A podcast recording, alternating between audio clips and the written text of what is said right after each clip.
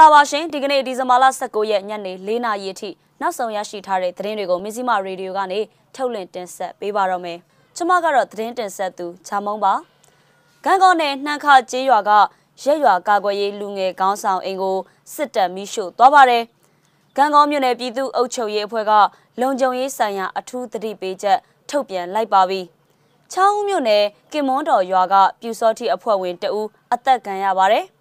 တဝယ်မြို့မှာလူငယ်၃ဦးကိုစစ်ကောင်စီတပ်အင်အားအလုံးရင်းနဲ့ဝေရောက်ဖမ်းဆီးခဲ့ပါတယ်။ဒီသတင်းတွေအပါအဝင်နောက်ဆုံးရသတင်းတွေကိုရှုစားပေးပါအောင်ရှင်။မကွေးတိုင်းကံကောမြို့နယ်နှမ်းခကျေးရွာကရက်ရွာကာကွယ်ရေးလူငယ်ကောင်းဆောင်အိမ်ကိုဒီကနေ့မနက်ပိုင်းမှာစစ်တပ်ကမီးရှို့ခဲ့တဲ့အကြောင်း ARD သတင်းဌာနမှဖော်ပြထားပါတယ်။ဒီလိုမီးရှို့ခံရတာကြောင့်ရက်ရွာကာကွယ်ရေးလူငယ်ကောင်းဆောင်အိမ်မီးလောင်ပြကျသွားခဲ့ပြီးအနီးဝန်းကျင်ကအိမ်တွေကိုလည်းမီးကူးဆက်ခဲ့တယ်လို့သိရပါတယ်။ မနက်9နာရီကျော်ကစပြီးမီးရှို့ခဲ့တာပါကျွန်တော်တို့မနက်10နာရီကျော်မှရွာထဲကိုဝင်ပြီးမီးငိန်ကြရတာပါလက်ရှိရက်ရွာကာကွယ်ရေးလူငယ်ကောင်းဆောင်အိမ်မီးရှို့ခံလိုက်ရပါတယ်လူငယ်ကောင်းဆောင်အိမ်ကတော့ပြာကျသွားပါပြီအနီးဝန်းကျင်အိမ်တွေကိုလည်းနည်းနည်းတော့မိကူတာရှိတယ်လို့နှန့်ခကြေးရွာဒေသခံတအုပ်က AR သတင်းဌာနကိုပြောပါတယ်စစ်ကောင်စီတပ်တွေကနှန့်ခကြေးရွာတဲ့အကြိမ်ကြိမ်ဝင်ရောက်မီးရှို့ခဲ့တဲ့အပြင်ဒီဇင်ဘာလ18ရက်နေ့တုန်းကလည်းတိုက်ပွဲဖြစ်ပွားတာမရှိဘဲ စစ်ရဟတ်ရင်တွေနဲ့ပြစ်ခတ်တိုက်ခိုက်ခဲ့လို့ကျေးရွာနေပြည်သူတွေတေဆုံးမှုရှိခဲ့ပါတယ်။လက်ရှိမှာလည်းစစ်ကောင်စီတပ်က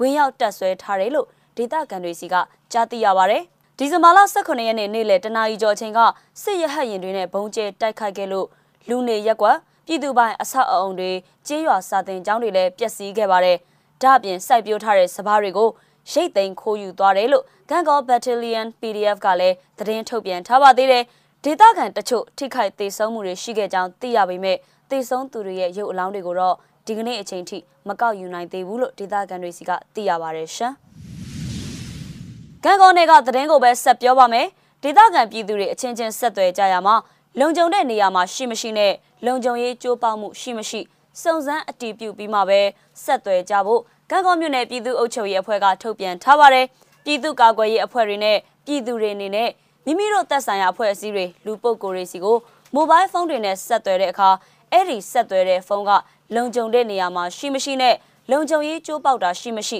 စုံစမ်းအတည်ပြုပြီးမှပဲဆက်သွယ်ကြဖို့ထုတ်ပြန်ချက်မှာပါရှိပါတယ်။နှမ်းခကြေးရွာကိုစစ်ကောင်စီတပ်တွေကရဟတ်ရင်၃စီးနဲ့အကြမ်းဖက်ပစ်ခတ်ခဲ့တဲ့ဒီဇင်ဘာလ18ရက်နေ့ကဖြစ်စဉ်အပြီးမှာလုံခြုံရေးကြိုးပေါက်မှုတွေရှိတဲ့အတွက်ဒေသခံတွေအနေနဲ့စစ်ကောင်စီတပ်တွေရဲ့မတရားဖမ်းဆီးတပ်ဖြတ်မှုကိုခံရကြောင်းလဲပါရှိပါတယ်။ နှမ်းခရွာကိုလေကြောင်းနဲ့တိုက်ခိုက်ခြင်းထွက်ပြေးရသူတွေကိုကူညီပို့ဆောင်ပေးခဲ့တဲ့ဂရုသမားကိုစစ်ကောင်စီတပ်တွေကဒီကနေ့မနက်ပိုင်းမှာပြစ်တက်သွားပါတယ်။ဒါ့အပြင်နှမ်းခရွာမှာရှိတဲ့စိုက်ကယ်တွေကိုလည်းမိရှို့သွားတယ်လို့ဒေသခံသတင်းရင်းမြစ်တွေစီကနေသိရပါတယ်။နှမ်းခရွာမှာရှိတဲ့လူနေအိမ်၃လုံးလည်းမိရှို့ခံခဲ့ရပြီးဒီတစ်ချိန်နဲ့ဆိုရင်နှမ်းခရွာက၅ချိန်မြောက်မိရှို့ခံရတာဖြစ်တယ်လို့သတင်းရင်းမြစ်ကဆိုပါတယ်။ဒါ့အပြင်စစ်ကောင်စီတပ်တွေက ကံကောမြို့နယ်ထဲအကြမ်းဖက်တိုက်ခိုက်မှုတွေကိုလည်းဆက်တိုက်ပြုလုပ်လာနိုင်တာကြောင့်ပြည်သူလူထုအနေနဲ့လုံခြုံတဲ့နေရာမှာသာနေထိုင်ကြဖို့နဲ့ကံကောကလေးလမ်းပိုင်းကိုအတုံးမပြုကြဖို့ကိုလည်းတတိပေးထုတ်ပြန်ထားပါတယ်ရှင်။စကိုင်းတိုင်း6ဦးမြို့နယ်ကင်မွန်းတော်ကျေးရွာကပြူစောတိအဖွဲ့ဝင်ဦးနီမနေ့ကမနက်10နာရီဝန်းကျင်လောက်မှာတနက်နဲ့ပြစ်သက်ခံရပြီးတိတ်ဆုံးသွားတဲ့အကြောင်းမုံရနိုင်ကိန်းအဖွဲ့ကထုတ်ပြန်ထားပါတယ်။သူကပြူစောတိ ရွာမှာဟောင်ဖွာဟောင်ဖွာနဲ့စစ်တပ်အလုပ်ကိုအများကြီးလုပ်ပေးနေတဲ့သူပါသူ့ကိုလမ်းမှာပြစ်ခဲ့တာပါလို့မုံရနိုင်ကင်အဖွဲ့ခေါင်းဆောင်ကမစ္စည်းမကိုပြောပါရယ်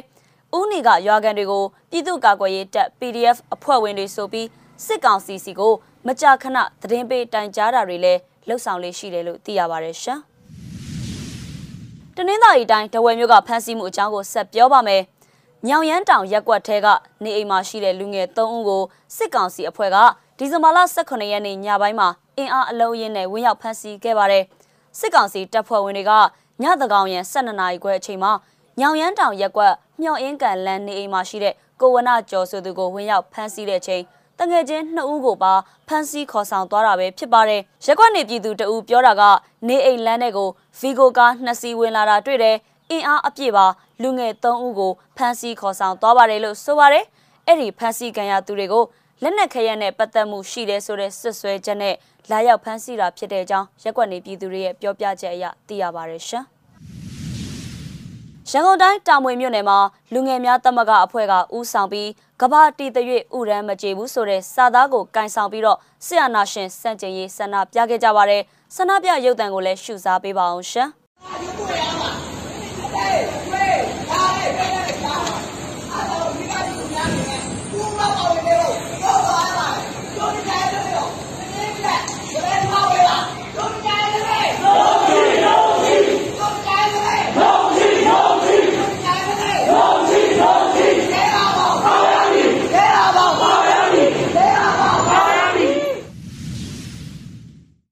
ရေဒီယိုရဲ့ညနေ၄နာရီအထိနောက်ဆုံးရရှိထားတဲ့သတင်းတွေကိုတင်ဆက်ပေးခဲ့တာပါစောင့်မျှော်နားဆင်ပေးခဲ့ကြတဲ့အတွက်ကျေးဇူးတင်ပါတယ်ရှင်။